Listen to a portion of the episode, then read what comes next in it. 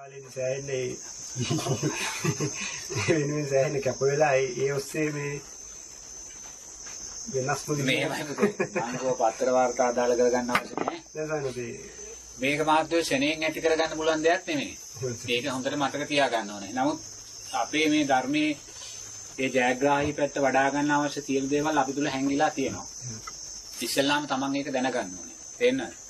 අපි ඒක දැනගන්න ඕනේ. අපි කොයිසා ඈත භවයක ඉඳන් මේ මෙරි මෙරි උපදෙමින් සම්මා සම්බුද්ධ ශාසන ලක්ෂ ගාණක් පව කරමින් ආපු ගමනක් කියන එක අපි දැනගන්න ඕනේ. ඒවා හිතන්න ඕනේ මහත්තයෝ. තේරෙනවද?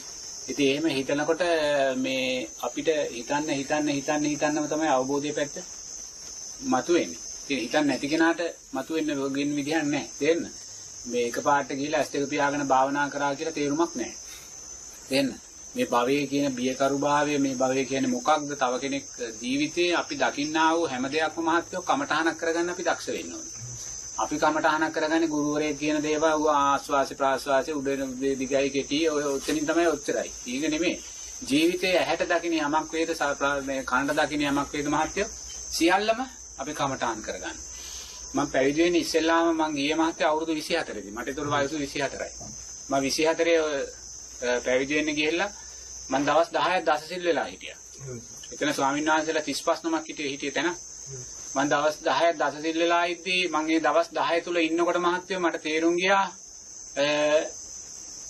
ඒ ස්වාමීන් වහන්සේලාගේ හැසිරීමත් එක්ක දකිද්දි. තේරෙනවද? ඒ කියන්නේ මම දැක්කා වූ හැසිරීම නෙමෙයි මම දැක්කේ. බාහිරින් දෙක ඔව් ඊට වඩා වෙනස්. ඒතකොට මම ඒක දැක්කාට පස්සේ මම කල්පනා කළා මගේ හැසිරීම මගේ ස්වභාවය මොකද්ද කියලා.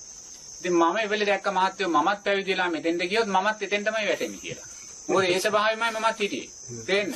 නමුත් අර පැවිද්දට ආසාවෙන් ගියා මිසක් එහෙම නැත්නම් ඔයක ඇති වුණා කලකිරීම නැති ගියා වුණා මමත් එතෙන් තමයි යන්නේ. ඒ අය සින්දු කිය කියා සතුටු වෙනවා මමත් එතෙන් සින්දුවක් කියන තැන මමත් හිටියේ. ඉතින් මං කල්පනා කළා මම පැවිදිලා නැහැ කියලා. වැඩක් නැහැ කියලා. තේරෙනවද? ඒක හිතන්න පුළුවන් ශක්තිය මට තිබුණා. මේක මං සංසාරයෙන් අරන් ආපු දෙයක්. තේරෙනවද? ඒ එතෙන්ට මට හිතුණා එහෙනම් මම පැවිදිලා වැඩක් නැහැ.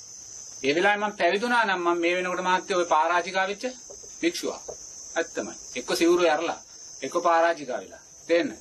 නමුත් එතනින් මහත්තයෝ ඒ හිත මට සකස් වුණා. ඒක සංසාරේ සංසාරේ මේ ජීවිතේදී ආයි පැවිද්දකට යන්නත් බෑනේ. පරාජය වුණාට පස්සේ මොකද්ද පැවිද්ද මානේ? ආ එතනින් ඉවරයිනේ සියල්ලම. කල්ප කල්ප ගානක් දුකේ. නිරේ. අප්‍රමාණ. ඒ නිසා එතනින් එතෙන්දී මට හිත සකස් වුණා. ඒක මගේ කුසල් විපාකයක්. මං තාම සුසු නෑ කියලා. ඒතොරේ අවුරුදු 27 එතනින් ආපු ගමන මහත්වෝ මට අවුරුදු 44 දී මම පැවිදුනේ අවුරුදු 20ක්. මට ඒ අවශ්‍යතා සපුර ගන්න කල් කල් ගියා.